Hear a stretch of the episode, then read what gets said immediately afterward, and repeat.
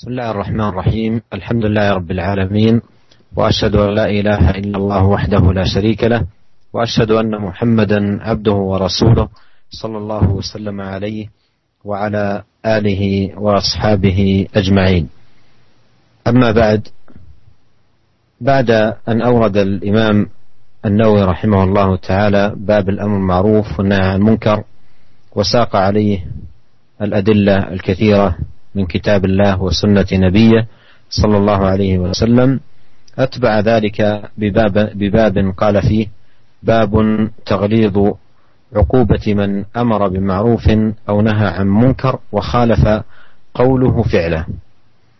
وعقد رحمه الله تعالى هذه الترجمة ليبين خطورة هذا الأمر ألا وهو أن يكون الإنسان آمرا بالمعروف ولا يأتيه وناهيا عن المنكر ويأتيه.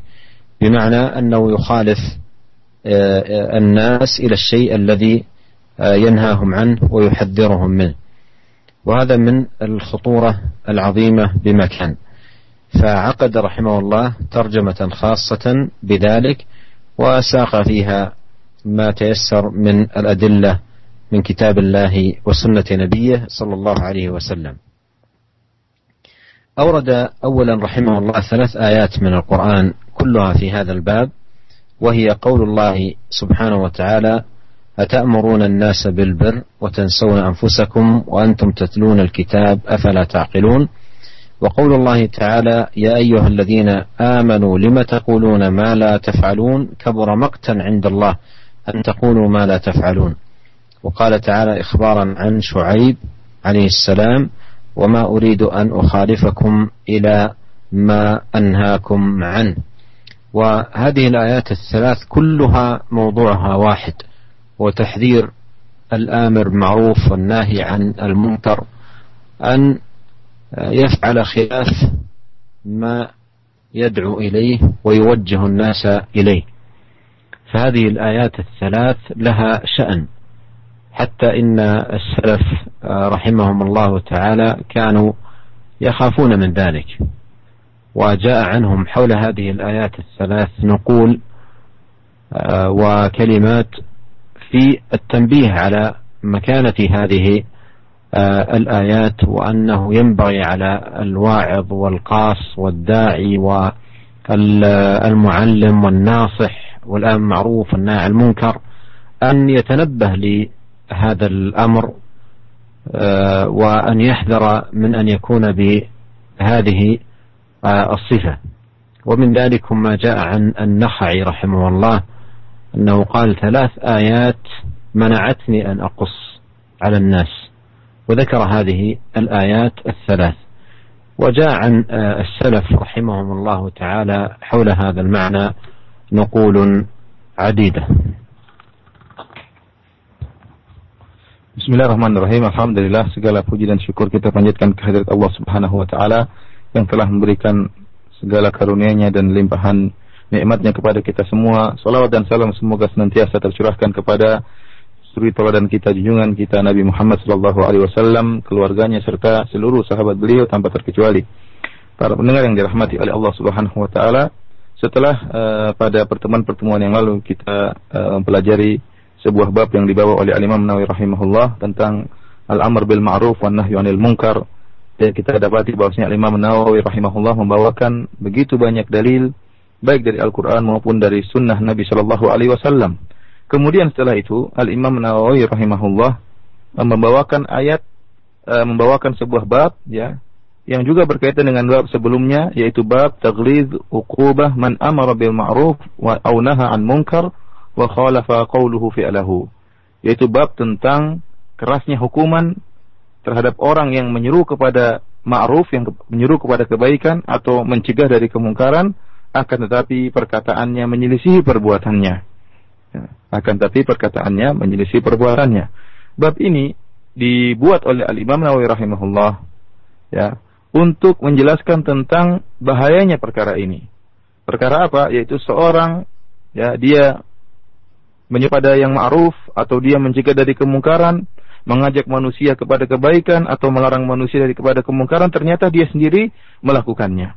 Dia sendiri menyelisihi apa yang dia ucapkan. dia menyeru kepada kebaikan, mengajak manusia kepada kebaikan tapi dia sendiri tidak melakukannya.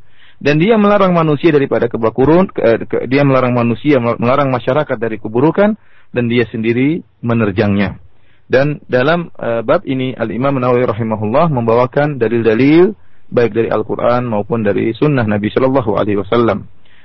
Beliau membawakan tiga buah ayat dari Al-Quranul Karim yang memiliki makna yang sama tentang uh, pembahasan kita kali ini, yaitu orang yang menyuruh kepada kebaikan akan tapi tidak mengerjakannya, dan orang yang mencegah dari per perbuatan buruk akan tapi malah melanggarnya, yaitu firman Allah Subhanahu Wa Taala, "Atamuruna an-nasa bil birri wa tansawna anfusakum wa antum tatluna al-kitab, afala ta'qilun?"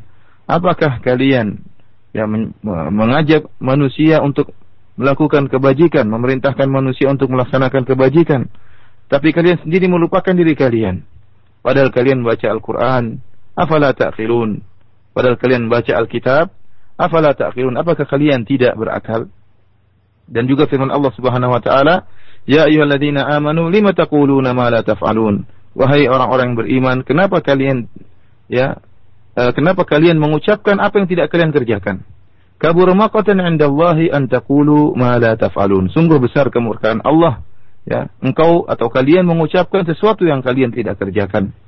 Dan juga uh, firman Allah Subhanahu wa taala tentang perkataan Nabi Syuaib sallallahu alaihi, uh, alaihi salam kepada kaumnya, kata Nabi Syuaib, "Wa ma uridu an ukhalifakum ila ma anhaakum an." Dan aku tidak ingin menyelisih kalian ya terhadap apa yang aku melarang kalian melakukannya. Aku tidak ingin mengerjakan apa yang aku larang kalian untuk melakukannya. Para pendengar yang dirahmati oleh Allah Subhanahu wa taala, tiga ayat ini seluruhnya pembahasannya sama, yaitu dalam rangka untuk mengingatkan dari orang-orang yang mereka menyeru, mengajak manusia untuk melakukan kebajikan atau melarang manusia dari perbuatan kemungkaran, kemudian dia ternyata perbuatannya menyelisih ucapannya, ternyata dia justru melanggar ucapannya. Oleh karenanya tiga ayat ini memiliki kedudukan yang tinggi di sisi di sisi para salaf. Mereka sangat takut ya diri mereka terjerumus dalam ya peringatan yang terdapat dalam ayat ini. Oleh karenanya kita dapati banyak nukilan-nukilan dari mereka dari para salaf yang menunjukkan bahwasanya mereka memperingatkan kepada para muallim, para pengajar, kepada para ustadz, kepada pemberi nasihat, kepada para pendidik, orang yang menyuruh kepada kebajikan, orang yang mencegah dari kemungkaran agar mereka berhati-hati. Jangan sampai mereka ternyata perbuatan mereka menyelisihi nasihat mereka. Perbuatan mereka menyelisihi perkataan mereka. Seperti seperti dia seperti ada sebuah nukilan dari An-Nakhai rahimahullah dia mengatakan salasu ayatin mana'atni ya an aqussa 'alan nas. Ada tiga ayat yang mencegahku membuat aku tidak memberikan kisah-kisah kepada masyarakat kepada manusia yaitu tiga ayat yang tadi telah kita bacakan. الآية الأولى قوله تعالى أتأمرون الناس بالبر وتنسون أنفسكم وأنتم تتلون الكتاب أفلا تعقلون جاءت في سياق التحذير لمعشر أهل الكتاب وأنه كيف يليق بكم وأنتم تأمرون الناس بالبر وجماع الخير أن تنسوا أنفسكم من ذلك فلا تأمرونها بما تأمرون غيركم به وأنتم مع ذلك تتلون الكتاب وتعلمون ما جاء فيه من الوعيد والتهديد والتحذير من ذلك. وهذا فيه أن الواجب على من أكرمه الله سبحانه وتعالى بمعرفة الخير أن يبادر إليه وأن يسبق الناس إليه لا أن يدعوهم إليه ويكون هو في نفسه مفرطا مضيعا Adapun ayat pertama yaitu firman Allah Subhanahu wa taala, "Atamuruna an-nasa bil birri wa tansawna anfusakum wa antum tatluna al-kitaba afala taqilun?" Apakah kalian mengajak manusia, memerintahkan manusia, masyarakat untuk berbuat kebajikan padahal kalian melupakan diri diri kalian dan padahal kalian membaca Alkitab, afala ta'qilun? Apakah kalian tidak berakal? Ayat ini ya eh, datang atau ditujukan kepada ahlul kitab, orang-orang yang diturunkan Alkitab kepada mereka, ya memperingatkan mereka ya atas apa yang mereka lakukan, yaitu tidak pantas bagi mereka Mereka mengajak manusia untuk melakukan kebajikan albir, yaitu segala bentuk kebajikan. Sementara mereka sendiri tidak melakukan kebajikan tersebut. Mereka melupakan diri mereka. Padahal mereka telah membaca Alkitab yang diturunkan kepada mereka. Dalam Alkitab tersebut telah ada peringatan. Ya, peringatan dari Allah Subhanahu wa taala tentang orang-orang yang seperti ini yang mengajak kepada kebajikan, mencegah dari kemungkaran akan tapi perbuatannya menyelisihi perkataannya. Oleh karenanya wajib bagi setiap orang yang telah diberi karunia oleh Allah Subhanahu wa taala mengenal kebajikan, mengenal kebaikan, hendaknya dia bersegera untuk melaksanakan kebajikan tersebut. Bukan dia malah menyeru manusia untuk mengerjakan kebaikan tersebut, sementara dia sendiri malas mengerjakannya. وأورد رحمه الله الآية الثانية وهي قوله يا أيها الذين آمنوا لم تقولون ما لا تفعلون كبر مقتا عند الله أن تقولوا ما لا تفعلون. وهي أيضا في السياق نفسه تحذير المرء أن يقول ما لا يفعل. وأن هذا أمرا يمقته الله سبحانه وتعالى أن يبغضه والمقت هو شدة البغض. وهذا دليل على شناعة هذا الأمر.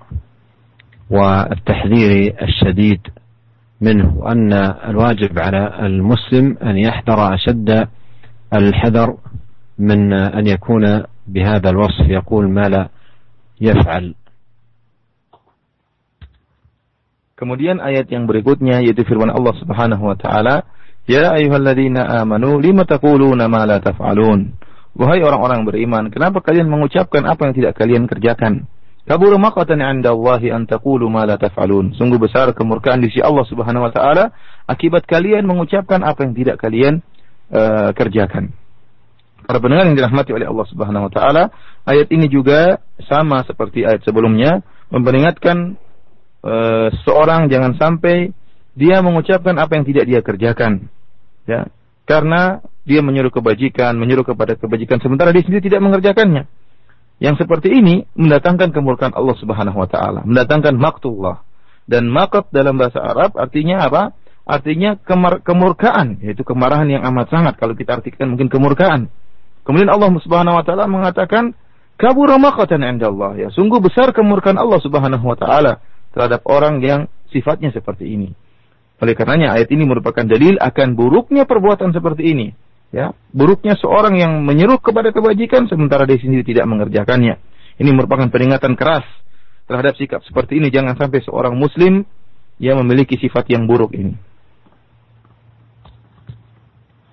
ثم أورد رحمه الله تعالى قول الله تعالى وما أريد أن أخالفكم إلى ما أنهاكم عنه فيما ذكره الله سبحانه وتعالى عن نبيه شعيب عليه السلام في دعوته لقومه فهو يقول لهم وما أريد أن أخالفكم إلى ما أنهاكم عنه أي لا آه، لا أريد أن أكون بهذا الوصف أن أفعل الشيء الذي أنهاكم عليه أنهاكم عنه وأحذركم منه بل آه، أكون آه، إلى الخير سباقا و إلى أعمال البر مسارعا وما أريد أن أخالفكم إلى ما أنهاكم عنه. وإذا كان الداعي بهذه الصفة يسبق الناس إلى الخير وينافسهم في أعمال البر كان لدعوته الأثر والقبول. وفي هذا المعنى يقول الشاعر لا تنهى عن خلق وتأتي مثله عار عليك إذا فعلت عظيم فابدأ بنفسك فانهها عن غيها فإذا انتهت عنه فأنت حكيم فهناك يقبل إن وعظت ويقتدى بالقول منك وينفع التعليم Para pendengar yang dirahmati oleh Allah Subhanahu wa taala, kemudian adapun ayat yang ketiga yaitu di mana Allah Subhanahu wa taala menghikayahkan tentang perkataan Nabi Syuaib alaihissalam kepada kaumnya di mana Nabi Shu'aib alaihissalam berkata, "Wa ma uridu an ukhalifakum ila ma anhakum an." Aku tidak ingin menyelisihi kalian yaitu aku mengerjakan aku larang kalian untuk mengerjakannya. Para pendengar yang dirahmati oleh Allah Subhanahu wa taala, yaitu Nabi Shu'aib alaihissalam ya tidak mau ya menyelisihi per perkataannya. Dia telah melarang kaumnya untuk mengerjakan perbuatan-perbuatan yang mungkar dan dia tidak ingin mengerjakan perbuatan-perbuatan yang mungkar tersebut. Bahkan dia adalah orang yang sabak ilal khair. Beliau adalah orang yang bersegera untuk melakukan kebajikan dan e, berlomba-lomba untuk melakukan kebajikan. Oleh karena jika seorang dai memiliki sifat seperti ini, seperti sifatnya Nabi Shu'aib alaihissalam, yang dia berusaha melombai manusia, mendahului masyarakat dalam melakukan kebajikan, maka tatkala itu dakwahnya akan uh, bermanfaat. Sebagaimana perkataan seorang uh, penyair, la tanha an khuluqin wa ta'tiya mithlahu. Janganlah engkau melarang dari sebuah perangai sementara engkau mengerjakan perangai buruk tersebut. Arun 'alaika idza fa'alta 'azimu. Sungguh buruk ya celaan terhadap engkau jika engkau melakukannya. Engkau melarang sesuatu malah engkau mengerjakannya. Ini merupakan celaan yang buruk. Fabda bi nafsika fa innaha uh, fanha an ghayyiha. Hendaknya engkau mulai dari dirimu dahulu dan laranglah dari dosa perbuatan tersebut. Fa idzan tahat anhu fa anta hakimu. Dan jika telah engkau meninggalkan perbuatan tersebut maka jika perbuatan tersebut kau tinggalkan maka engkau adalah seorang yang bijaksana.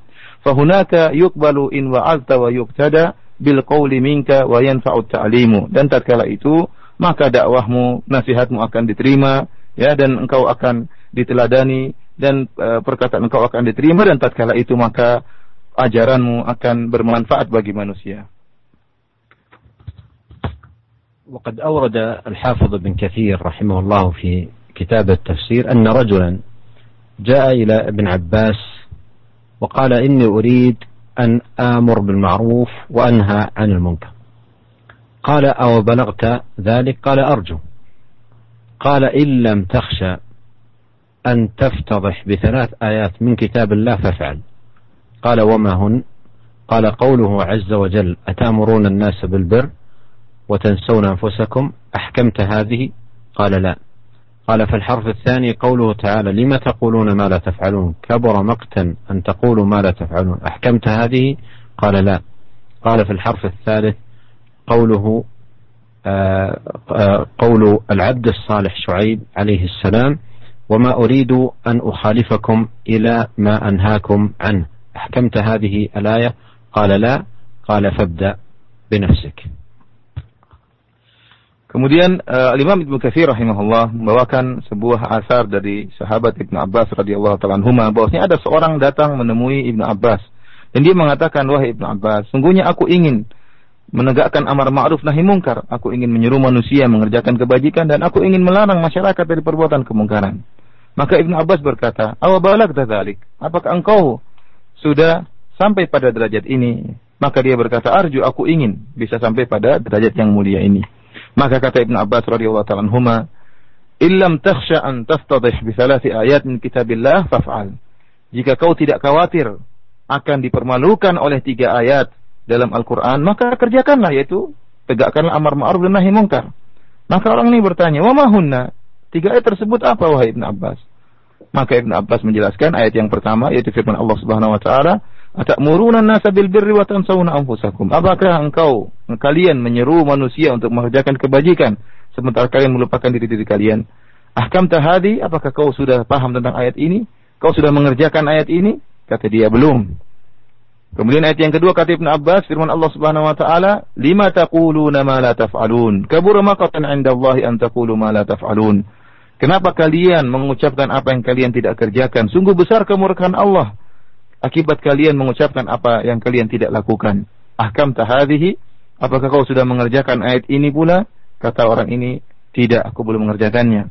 Kemudian Ibnu Abbas radhiyallahu taala anhu menyebutkan ayat yang ketiga yaitu perkataan seorang hamba yang soleh Nabi Shu'aib alaihissalam, "Wa ma uridu an ukhalifakum ila ma anhakum an." Aku tidak ingin menyelisih kalian dengan mengerjakan apa yang telah aku larang kalian untuk melakukannya. Ahkam tahadhil ayah, apakah engkau sudah mengerjakan ayat ini? Maka orang ini berkata, belum. Kata Ibn Abbas radhiyallahu taala anhuma, "Fabda binafsika." Kalau gitu, eh, kerjakanlah kebajikan pada mulailah dari dirimu terlebih dahulu untuk mengerjakan kebajikan, baru kemudian menegakkan amar ma'ruf nahi mungkar.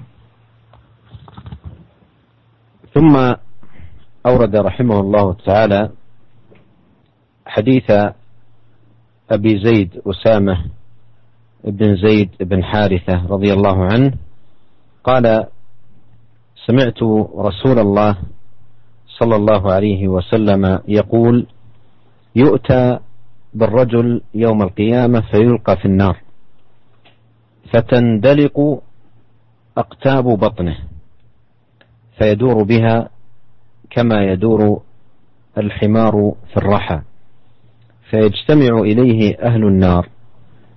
فيقولون يا فلان ما لك؟ ألم تك تأمر بالمعروف وتنهى عن المنكر؟ فيقول بلى كنت آمر بالمعروف ولا آتيه وأنهى عن المنكر وآتيه. متفق عليه. قوله تندلق هو بالدال المهملة ومعناه تخرج. والأقتاب الأمعاء واحدها قتب. والرحى حجر الطاحون الذي يوضع فيه الدقيق ويدار. وهذا الحديث فيه وعيد شديد جدا وتحذير بالغ. من أن يكون العبد بهذه الصفة والعياذ بالله يأمر الناس بالمعروف ولا يفعله وينهاهم عن المنكر ويفعله. ومر معنا في القرآن قول الله سبحانه كبر مقتا عند الله أن تقولوا ما لا تفعلون. وهنا ذكر للعقوبة في هذا الحديث. ذكر للعقوبة لمن كان بهذه الصفة. والنبي عليه الصلاة والسلام ذكر أمرا مغيبا أطلعه الله سبحانه وتعالى عليه مما يكون يوم القيامة وأفصح عن هذا الأمر المغيب وأوضحه بالجلاء في هذا الحديث. وأنه يؤتى بالرجل يوم القيامة فيلقى في النار. فيلقى في النار. حتى إنه عندما يلقى في النار تندلق أقتاب بطنه. أي تخرج أمعاء بطنه. ثم يدار به في النار كما يدور الحمار في الرحى. كما يدور الحمار في الرحى. فيجتمع إليه أهل النار. فيقولون يا فلان ما لك؟ يعني ما السبب؟ ألم تك تأمر بالمعروف وتنهى عن المنكر؟ يتعجبون أنهم كانوا يعلمون من حالة في الحياة الدنيا أنه يأمر بالمعروف وينهى عن المنكر أي مشهور بينهم في الدعوة والنصح وتحذير من المنكرات. والحث على المعروف معروف بذلك ومشهور بينهم في في هذا الأمر. فيتعجبون من حاله كيف آه، أصبح مثلهم في آه، النار. فيقول لهم بلى. كنت أأمر بالمعروف وكنت أنهى عن المنكر. لكن كنت آمر بالمعروف ولا آتيه وأنهى عن المنكر وآتيه. أي أنه يفعل خلاف ما يدعو إليه. فأصبح أو نال هذه العقوبة آه، الشديدة في آه، النار آه، أنه يلقى فيها و تندلق أقتاب بطنه تخرج مع بطنه ويدار به في, في, في النار كما يطاف أو كما يطوف كما يدور الحمار في الرحى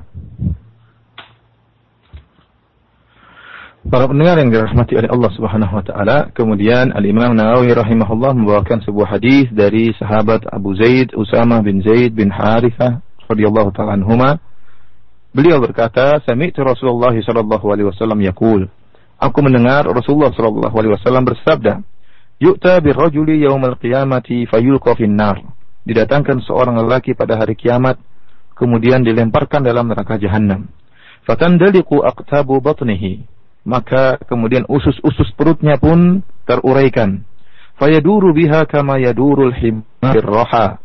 maka usus-ususnya tersebut memutar orang ini, dia muter-muter sambil ususnya terurai sebagaimana himar, sebagaimana keledai berputar di roha. Roha adalah sebuah uh, dua batu yang digunakan untuk menggiling gandum atau menggiling uh, ya yang diputar oleh himar sehingga menggiling uh, kacang-kacangan seperti gandum dan yang lainnya.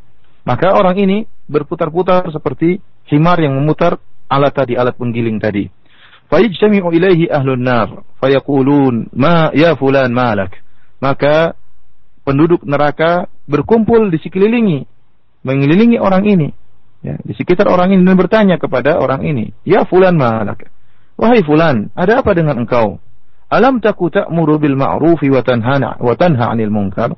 Bukankah engkau dahulu memerintahkan memerintah mengajak untuk perbuatan kebajikan dan mencegah dari perbuatan kemungkaran? Fayaqulu bala. Orang ini pun berkata, benar. Kuntu amuru bil ma'ruf wala ati. Aku dulu mengajak manusia untuk mengerjakan kebajikan, akan tapi aku sendiri tidak mengerjakannya.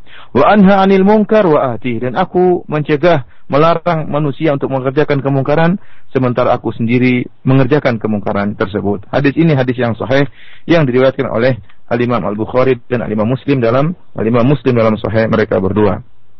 Para pendengar yang dirahmati oleh Allah Subhanahu wa taala, dalam hadis ini terdapat peringatan keras dan ancaman yang keras ya terhadap orang yang memiliki sifat seperti ini, yaitu seorang yang menyeru masyarakat untuk mengerjakan kebajikan sementara dia sendiri tidak mengerjakan kebajikan tersebut. Atau dia mencegah masyarakat, melarang masyarakat untuk mengerjakan kemungkaran sementara dia sendiri mengerjakan melakukan kemungkaran tersebut. Dan telah lalu firman Allah Subhanahu wa taala yaitu kabura maqatan indallahi an taqulu ma la taf'alun. Firman Allah Subhanahu wa taala sungguh besar kemurkaan Allah akibat uh, ucapkan apa yang tidak kalian kerjakan. Ini mendatangkan kemurkaan Allah yang besar. Dan dalam hadis ini disebutkan tentang hukuman yang Allah berikan.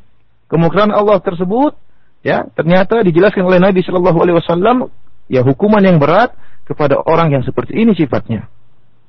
Kepada orang yang seperti ini sifatnya. Di mana Nabi Shallallahu Alaihi Wasallam ya dibukakan oleh Allah Subhanahu Wa Taala tentang hal gaib yang akan terjadi pada hari kiamat kelak. Dan Nabi Shallallahu Alaihi Wasallam menjelaskan dengan sangat jelas bagaimana kondisi orang yang seperti ini pada hari kiamat kelak. Orang yang seperti ini yang menyuruh kepada kebajikan namun dia tidak mengerjakannya, melarang dari kemungkaran malah dia mengerjakannya. Orang ini apa? Yulqa finnar akan dilemparkan di neraka jahanam. Begitu dia dilemparkan dalam neraka jahanam dan sampai di neraka jahanam maka terbukalah perutnya dan terurailah usus-ususnya. Ya, kemudian ususnya tadi memutari dia, membuat dia seperti terputar. Ya, se seakan-akan seperti himar, ya, seperti keledai yang terputar di alat penggilingan, memutar alat penggilingan. Dan demikianlah dia terputar-putar terus disiksa dalam neraka jahanam. Maka tatkala kondisinya seperti itu, datanglah penduduk neraka di sekeliling orang ini. Terheran-heran melihat kondisi orang ini karena penduduk neraka mengenal orang ini. Mereka bertanya, "Ya fulan malak?" Wahai fulan, apa gerangan, apa sebab kenapa engkau bisa di sini di neraka bersama kami?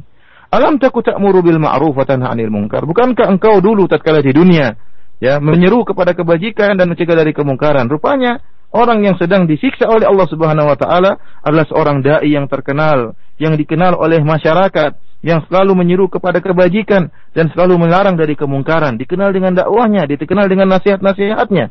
Akan tapi kenapa dia dimasukkan dalam neraka jahanam? Inilah yang menjadikan penduduk neraka ya ta'ajabun. Mereka menjadi bingung dan heran melihat kondisi orang ini. Dai yang terkenal malah diadab bersama mereka pelaku kemaksiatan. Maka mereka bertanya, bukankah engkau dulu menyeru kepada kebajikan dan mencegah dari kemungkaran? Maka dai ini berkata, bala, benar.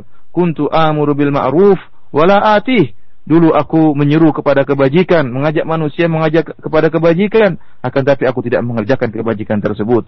Wa anha anil munkar wa atih. Dan aku dahulu melarang masyarakat dari kemungkaran, sementara aku sendiri mengerjakannya. Lihatlah bagaimana kondisi orang seperti ini disiksa Allah Subhanahu wa taala dengan siksa yang amat pedih. Oleh karenanya ini hadis hadis ini merupakan peringatan yang keras ya karena di situ ada hukuman yang keras di neraka jahanam bagi orang yang menyuruh kepada kebajikan namun tidak mengerjakannya, mencegah dari kemungkaran malah mengerjakannya.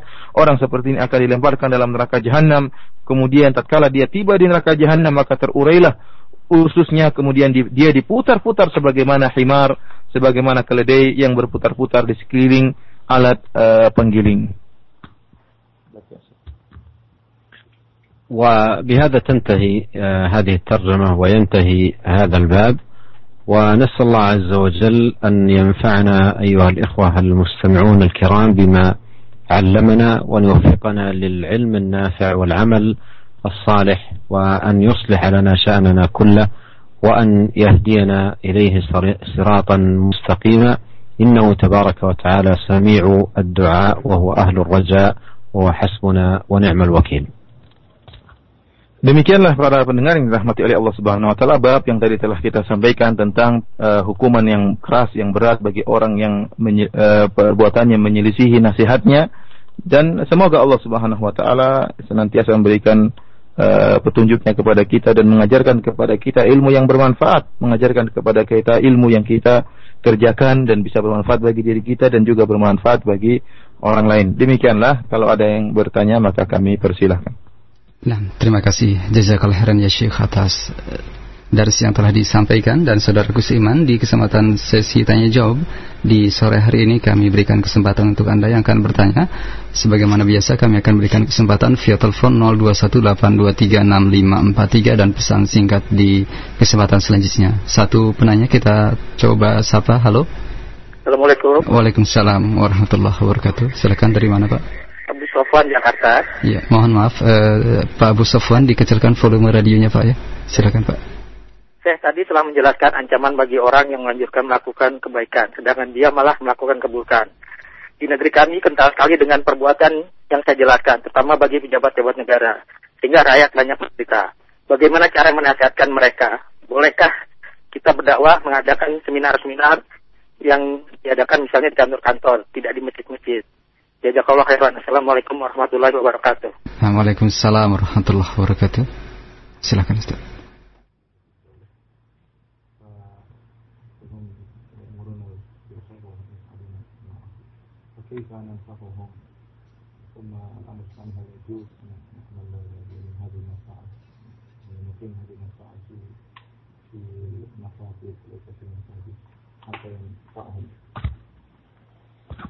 على كل هذه الآيات الثلاث التي أوردها الإمام النووي رحمه الله تعالى في هذا الباب وأشرت أيضا إلى خوف السلف. ونقلت بعض النقول عن ابن عباس وعن النخعي ويوجد عنهم نقول مهمة حول هذه الآيات الثلاث وكذلكم هذا الحديث حديث النبي عليه الصلاة والسلام. ولا شك أن من يقف على هذه الآيات الثلاث وعلى هذا الحديث العظيم ويذكر نفسه دائما بذلك ينتبه في في هذا الباب. وهذا باب ينبغي أن يعتنى به حتى في محيط الأسرة في البيت يعني عندما مثلا آه، يوجه الأب أبنائه أو الأم آه، أولادها إلى الصلاة مثلا إلى الترك المحرم إلى آه، أعمال البر. ينبغي أن يكون آه، أيضا هو سباق لذلك. فإذا هذه الأحاديث فعلا يحتاج المسلم أن يتنبه لها وكذلك هذه آه، الآيات. وأن تكون آه، بإذن الله عونا ليقظة القلوب وتنبه الإنسان إلى هذا الباب الخطير. Uh, Syekh menjelaskan bahwasanya uh, intinya bahwasanya tiga ayat yang tadi telah dibawakan oleh Imam Nawawi rahimahullah ya merupakan ayat yang sangat penting tentang permasalahan ini tentang orang-orang yang mereka mengatakan apa yang tidak mereka mengerjakan atau mereka menyelisih nasihat mereka sendiri. Dan telah disampaikan tadi bagaimana takutnya para salaf ya tentang e, perkara ini. Kita telah sampaikan tadi asar dari nukilan dari Ibnu Abbas dan juga dari Al Imam Nakhai rahimahullah tentang tiga ayat tersebut. Demikian juga hadis yang tadi telah kita sebutkan tentang azab yang pedih.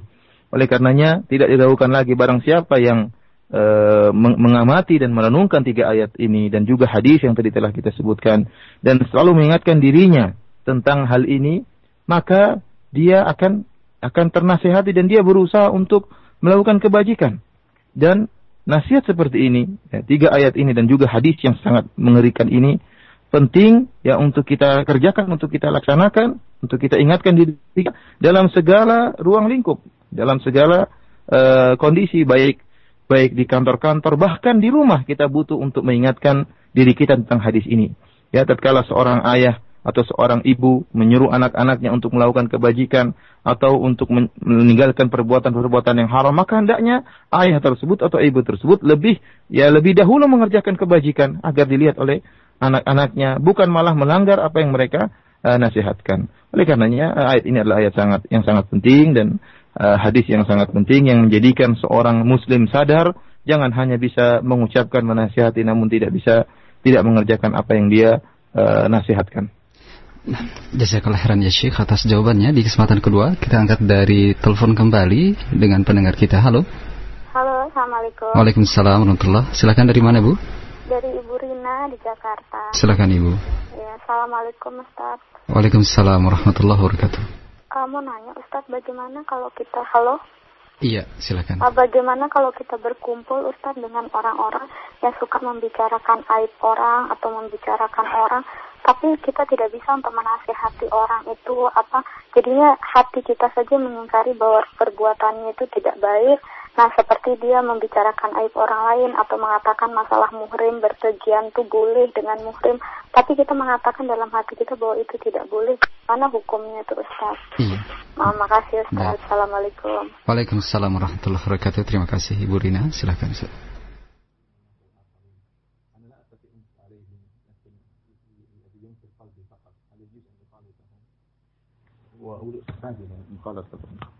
آه إذا كان من تخالطهم بهذه الصفة آه يؤذون الناس غيبة وتعديا على أعراض الآخرين فلا شك أن هذا إثم. والمخالطة إما أن تكون بالنصح والتحذير لهؤلاء من هذا المنكر الذي هم عليه ومنعهم من ذلك آه، ويكون آه، بإذن الله سببا لمنع هذا المنكر والتحذير منه. فإن تمكن من هذا فلا شك أن هذا أولى وأنفع وإن لم يكن قادرا على ذلك ولا متمكنا منه فلا يخالط. من كانوا بهذه الصفة لأنه سيكون بهذه المخالطة مشاركا لهم في منكرهم ومعرضا نفسه للإثم والعقوبة Saya menjelaskan bahwasanya jika orang-orang yang kita bergaul dengan mereka, kita ngumpul dengan mereka, memang memiliki sifat seperti ini, suka menggibah orang lain, suka menyakiti orang lain dengan perkataan mereka, dengan lisan-lisan mereka, maka e, jelas ini merupakan perbuatan dosa. Gibah merupakan dosa besar ya. Oleh karenanya seorang yang e, ber, bergaul dengan mereka, maka hendaknya berusaha menasihati mereka, ya, berusaha menasihati mereka dan peringatkan mereka akibat kemungkaran yang sedang mereka lakukan. Dan bisa jadi dengan nasihat yang dia dia sampaikan, ya dengan cara yang terbaik dia sampaikan, nasihat tersebut bisa jadi merupakan sebab untuk mencegah mereka meneruskan ke, kebiasaan mereka bergibah ria. Ya. Adapun jika ternyata dia tidak mampu untuk uh, menasihati mereka, tidak mampu untuk mengingkari mereka, maka Syekh mengatakan maka hendaknya jangan dia bergaul, berkumpul dengan orang seperti ini tatkala mereka sedang bergibah. Jangan uh, berkumpul dengan mereka tatkala sedang bergibah, karena barang siapa yang berkumpul dengan mereka sementara mereka sedang bergibah, maka dia seakan-akan ikut serta ya dalam perbuatan kemungkaran tersebut atau minimal dia uh, bisa menghantarkan dirinya ya kepada kepada uh, kepada kemaksiatan kepada Allah Subhanahu wa taala. Nah, jazakallah khairan ya Syekh atas jawaban yang telah disampaikan di kesempatan selanjutnya. Kami angkat pertanyaan terakhir masih dari telepon ada uh, pendengar kita. Halo. Halo, Assalamualaikum. Waalaikumsalam warahmatullahi Dengan siapa Bapak? Abu Fatimah dari Jakarta, Pak. Silakan. Uh, jadi saya pernah membaca bahwa amar ma'ruf nahi munkar itu tidak mensyaratkan orang itu untuk melakukannya dulu. Yeah. Artinya dia menyuruh tapi dia nggak melakukan dulu atau dia melarang tapi nggak melakukan dulu. Yeah. Jadi amar ma'ruf nggak mensyaratkan orang itu untuk berbuat yeah. berbuat dulu gitu maksudnya. Itu bagaimana dengan sehubungan dengan tema yang dibahas hari ini? Iya. Itu aja. Baik, terima kasih Pak. Waalaikumsalam warahmatullahi wabarakatuh.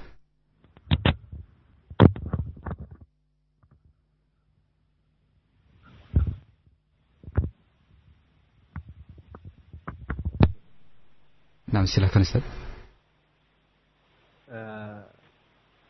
ما ذكره السائل قرره أهل العلم وأن لا يشترط في الآمر بالمعروف والناهي عن المنكر أن يكمل أعمال البر فعلا للأوامر وانتهاء للنواهي لأن القول بذلك يعني تعطيل آه، هذه الشعيرة فما من إلا وعنده شيء من آه، التقصير وشيء من آه، النقص.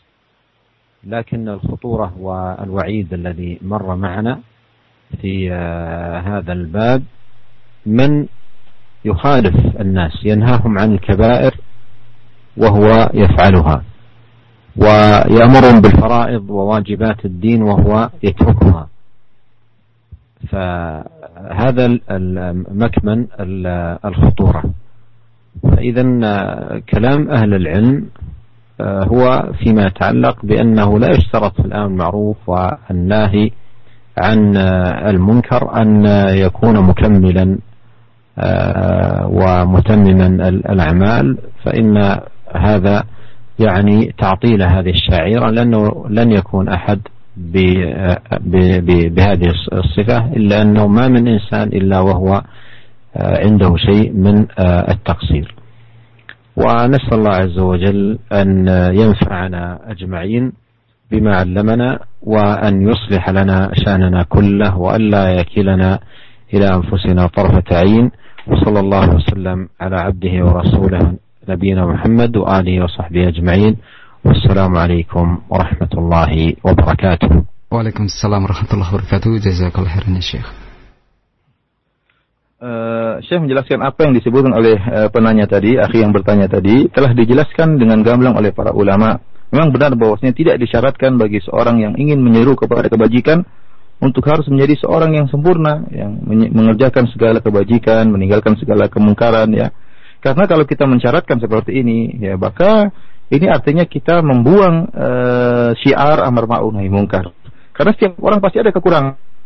Yang menjadi permasalahan yaitu jika seorang e, menyelisihi nasihat yang dia sampaikan dari siapa, dia mencegah melarang mereka untuk kemungkar, melakukan kemungkaran, sementara dia sendiri mengerjakan kemungkaran tersebut melarang manusia untuk mengerjakan dosa-dosa besar, dia sendiri terjerumus dalam dosa-dosa besar tersebut. Kemudian juga dia memerintahkan manusia, masyarakat untuk mengerjakan hal-hal yang wajib, sementara dia sendiri meninggalkan hal-hal yang wajib tersebut. Inilah yang menjadi permasalahan ya. Akan tapi tidak mesti seorang sempurna untuk mengerjakan kemungkaran. Dia meskipun memiliki ke kekurangan, dia harus menegakkan amar ma'ruf e, nahi mungkar. Tapi hati-hati jangan sampai kemudian dia malah terjerumus dalam Eh, dosa-dosa yang dia kerja yang dia larang atau dia meninggalkan kewajiban-kewajiban yang dia perintahkan ya karena hal ini bisa menjerumuskan dia dalam dosa sebagaimana hukuman yang telah kita jelaskan tadi. Demikianlah para pendengar yang dirahmati oleh Allah Subhanahu wa taala kajian kita pada kesempatan kali ini. Semoga bermanfaat bagi uh, kita semua dan semoga kita bisa mengerjakan apa yang telah kita ilmui. Wabillahi taufik wal hidayah. Assalamualaikum warahmatullahi wabarakatuh.